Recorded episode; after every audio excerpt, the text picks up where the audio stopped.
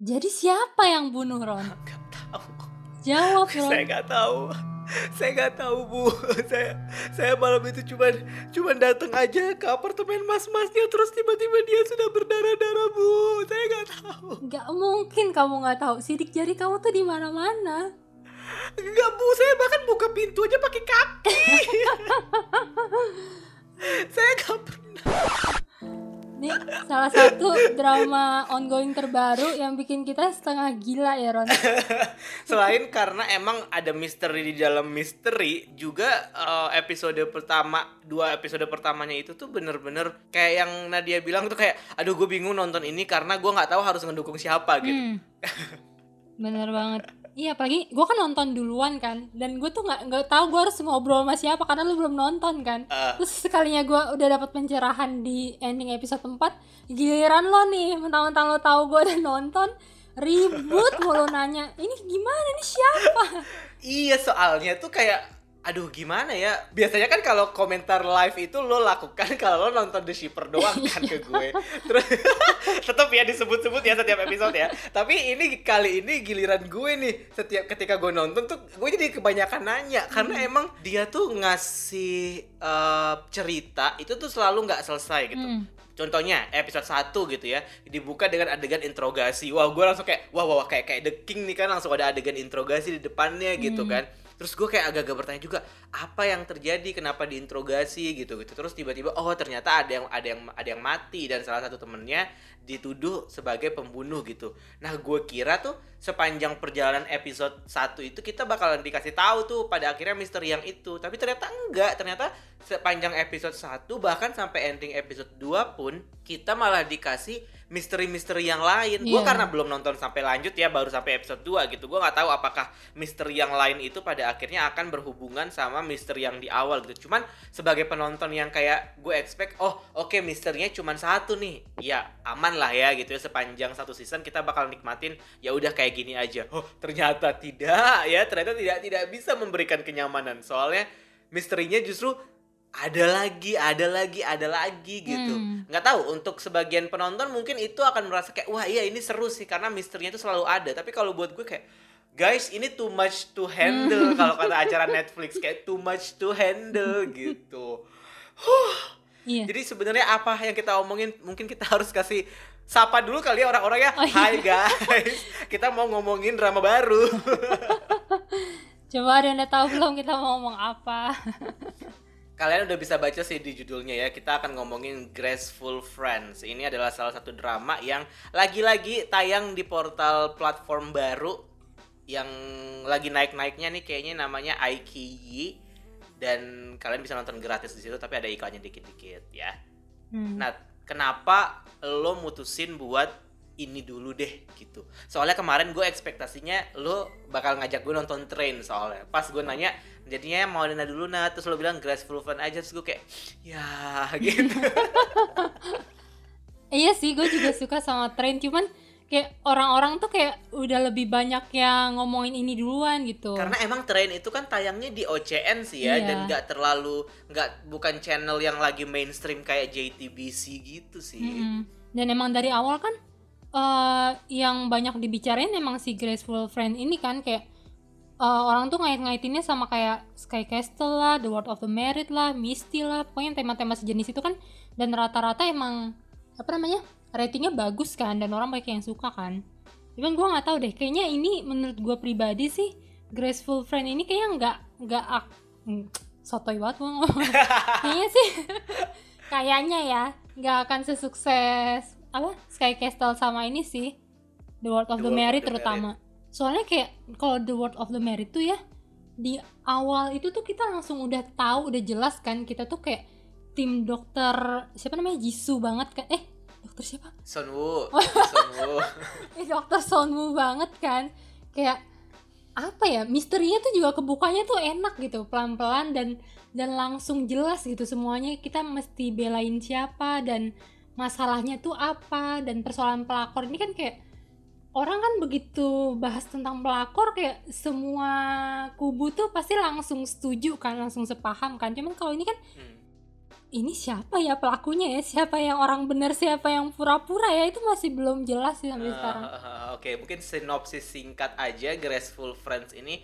Jadi ini itu genrenya sebenarnya suspense gitu, menceritakan ada beberapa keluarga yang berbeda gitu, yang hubungan mereka ini diawali dari persahabatan ketika kuliah. Jadi cowok-cowoknya itu berteman semua. Nah ada juga uh, teman-teman kuliah lain dua orang gitu, yang satu nikah sama pemeran utamanya, yang satu lagi kayak muncul belakangan setelah 14 tahun berlalu, 20 tahun berlalu gitu baru muncul lagi. Jadi uh, per- pertemanan ini saking eratnya gitu pokoknya mereka udah saling kenal lah satu sama lain terus saling kenal istri dan segala macam tapi dibuka dengan adegan pertamanya itu si pemeran utamanya namanya An Gong Chul.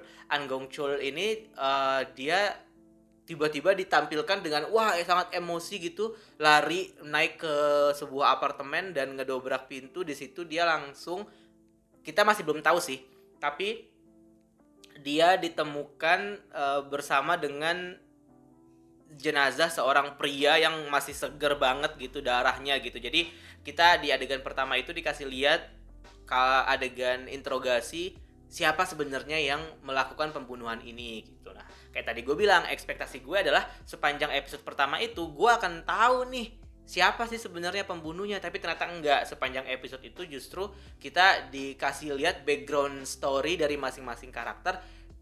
Cuman gue nggak tahu ya Nat. Gue nggak tahu uh, cara mereka menceritakan background story-nya itu nggak tahu ya. Kalau di gue masih nggak nggak serak aja gitu. Karena terlalu lambat juga. Ya nggak terlalu lambat sih. Tapi gue agak aneh aja sih dan banyak adegan-adegan selipan yang gue rasa kayak nggak perlu gitu Hmm, hmm.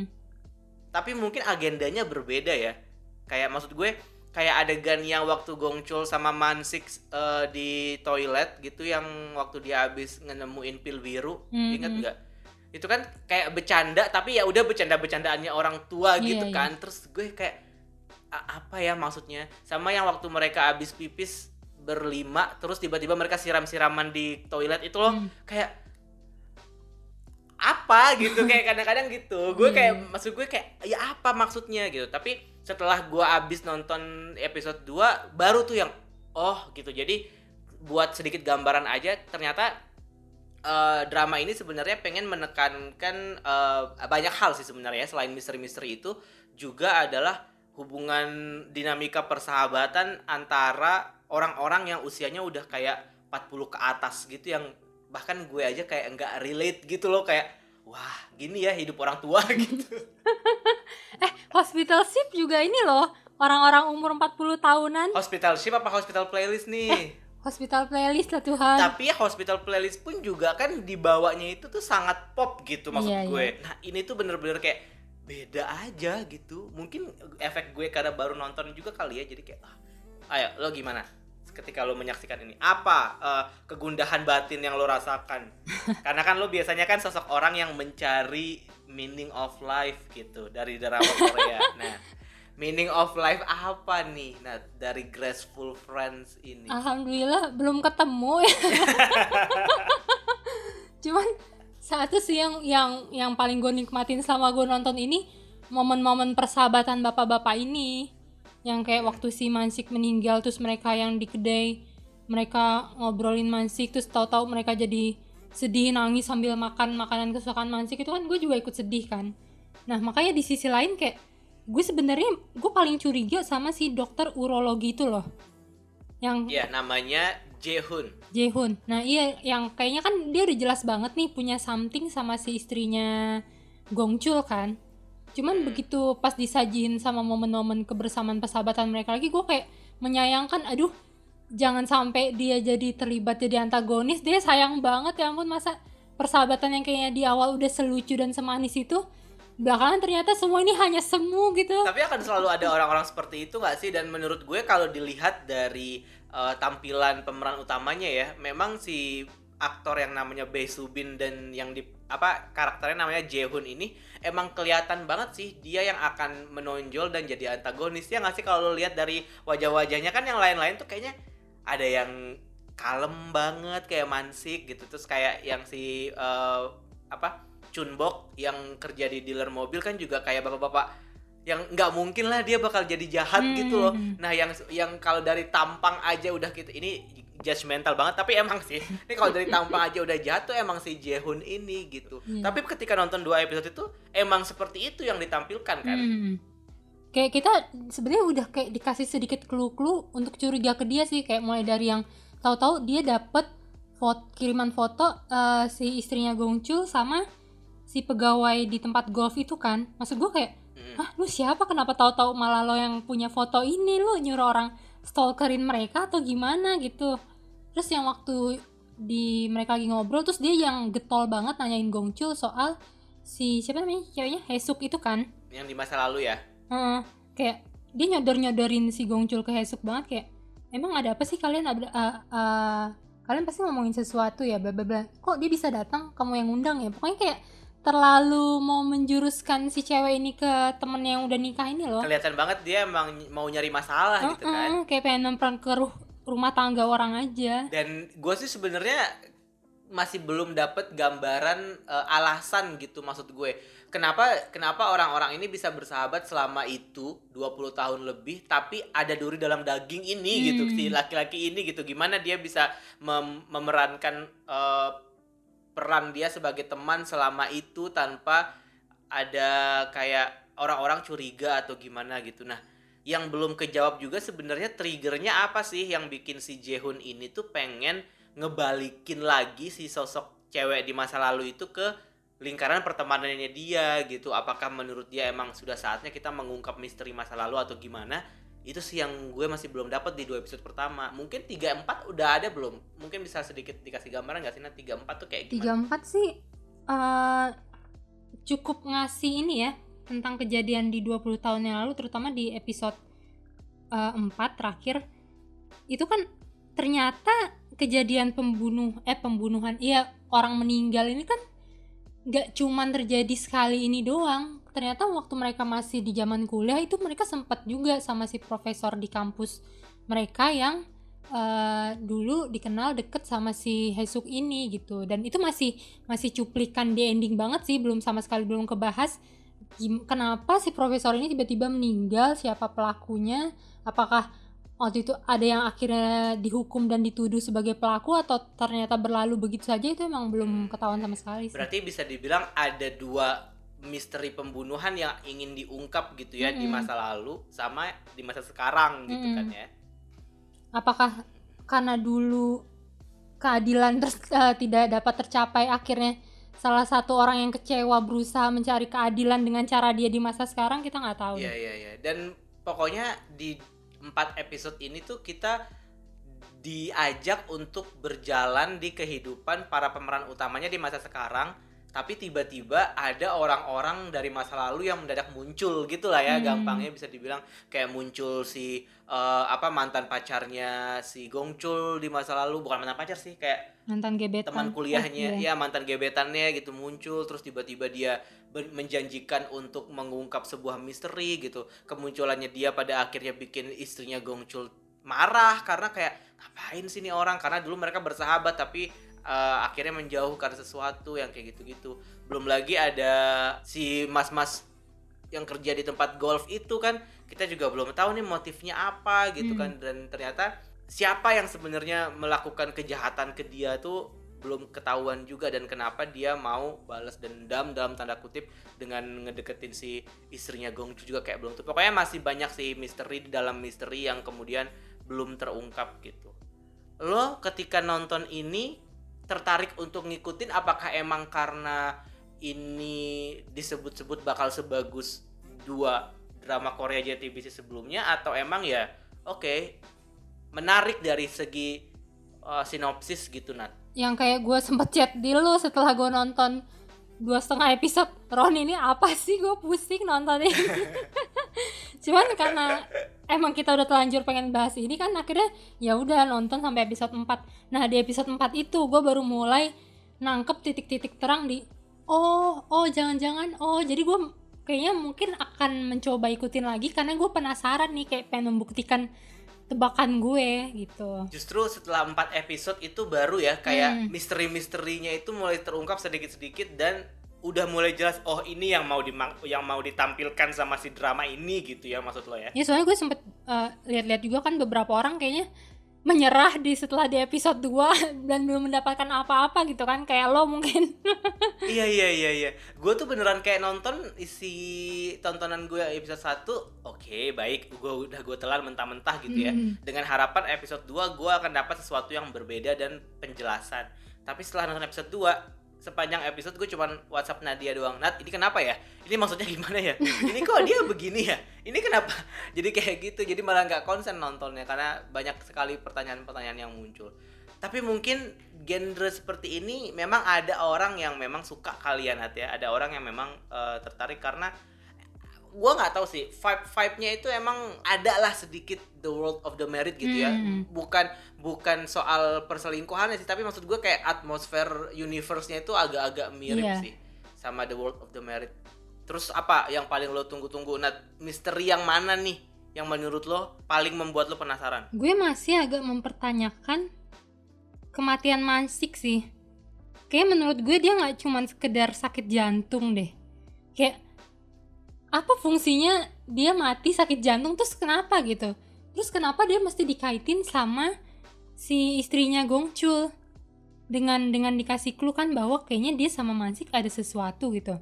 Tapi kayak dia ngakunya kan cuman karena oh iya soalnya Mansik kan depresi terus akhirnya dia ajak eh, jadi apa kayak volunteer di tempat panti jompo yang semacam gitu kan supaya Mansik nih secara psikologis juga lebih membaik cuman kok si cewek yang ada di tempat eh, panti ini? Yang datang ke pemakaman ya? Iya masa cuman karena dia bekerja sama dan kenal di panti tuh sampai se sedih itu. Iya Se- maksudnya seterikat itu. Iya, gitu, iya, iya, iya. heeh, sesedih itu.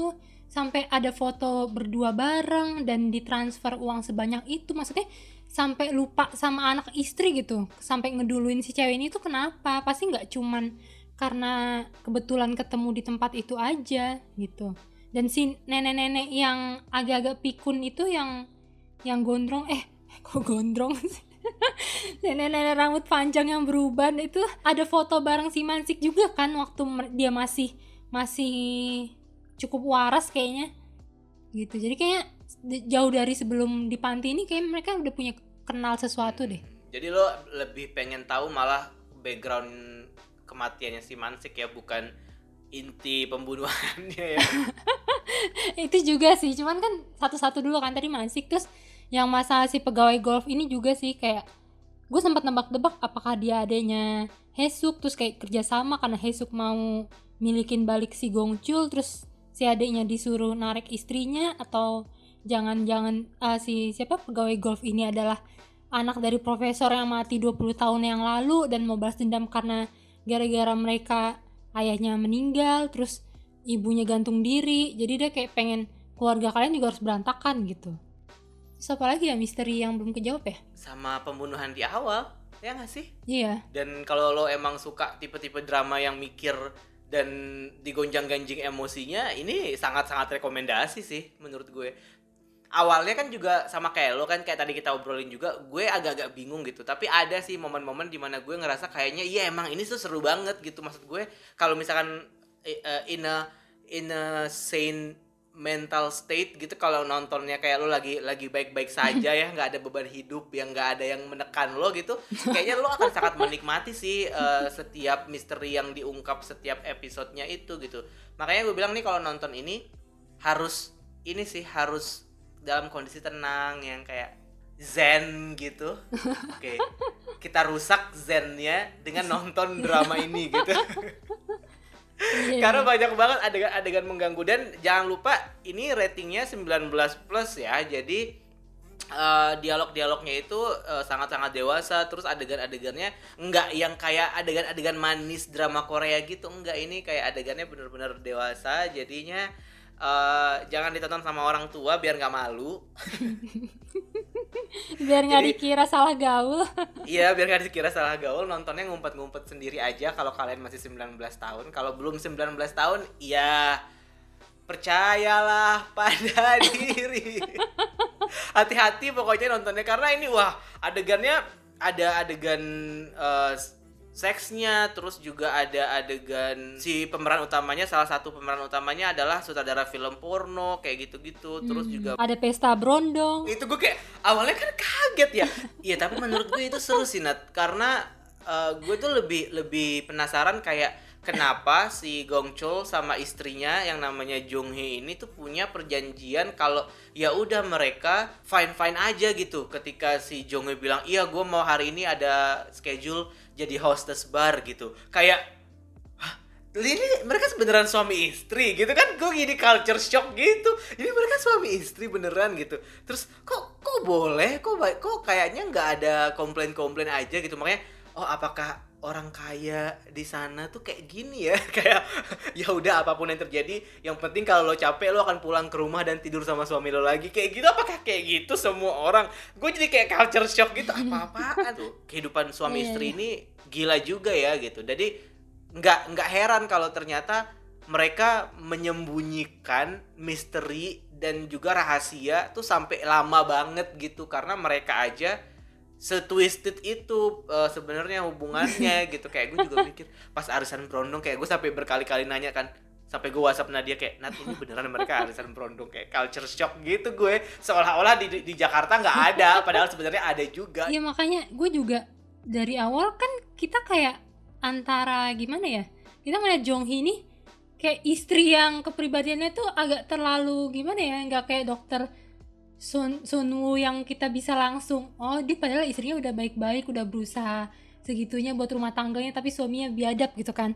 Kalau ini kan kita jadi kayak istrinya kayak gini terus suaminya juga kayak nggak becus dan dan terlalu lembek sama cewek lain. Jadi kayak gregetan gitu loh ke semua orang. Walaupun di episode kedua juga ditunjukin sih sebenarnya terlepas dari Jonghi ini yang dibebaskan gitu, tapi dia juga masih ya dia cinta sama suaminya sebenarnya kan. Hmm, hmm. Itu sih Hmm. ada ada ada ada sisi itu juga sih. Tapi ya itu tadi kayak kenapa kenapa dia dibikin karakternya sebenarnya dia cinta sama suaminya, tapi kenapa dia dibikin karakternya malah jadi kayak ya udah lo bebas bisa ngapa-ngapain aja itu sih gue juga masih belum ngeh sih bagian itu. Iya sebenarnya juga diliatin kok sisi baik lainnya si Jong Hee kayak waktu si temennya Gong Chul yang pegawai asuransi itu lagi bingung banget kan aduh eh, apa target gue belum tercapai akhirnya dia datangin si Jong Hee Jong Hee langsung borong tiga polis gitu supaya nolong si temennya ini.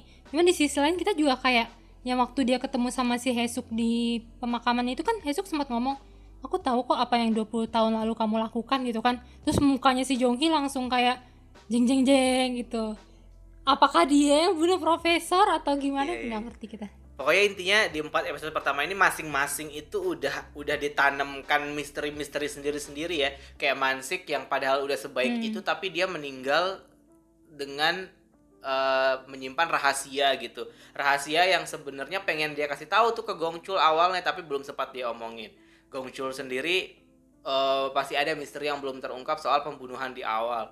Jongi tiba-tiba di-spill sama mantan sahabatnya gitu kalau aku tahu apa yang kau lakukan 20 tahun yang lalu gitu. Jadi dia juga ada misteri juga sama si eh, Jehun yang dokter urologi yang ternyata menyimpan perasaan sama Jonghi sejak lama tapi dia ikhlas nggak ikhlas ngasih temennya nikah sama Hmm. Jonghi gitu kan masih menyimpan menyimpan misteri pokoknya di situ juga oh sama si sutradara film porno itu ya ternyata ada kaitan apa anaknya dengan orang-orang Oh, lain iya. gitu kan kayak tadi lo sempat cerita iya juga. awalnya gue kira ini cowok siapa terus gue oh iya ini kan si anaknya yang sutradara film itu kan dan dia di kayak dijebak tidur sama si bintang porno yang kerja sama bapaknya itu gara-gara si cowok golf itu kan dan yang yang anehnya kenapa si sutradara film ini waktu nggak sengaja lihat si pegawai golf itu di jalan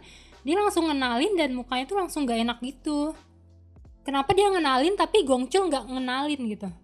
Dan gue nggak nyangka dia ternyata cuman sampai 4 episode ya karena gue tahu sih dia yang bakal mati di dari di awal episode 1 kan cuman kayak ternyata di episode 4 dia udah beneran di dibunuh gitu. Gue kira akan agak lamaan tapi ternyata dia cuma muncul 4 episode kayaknya dari karakter orang-orang yang agak rada-rada plus minus ini ada gak sih Ron yang yang menurut lo ya lo paling serak deh sama dia?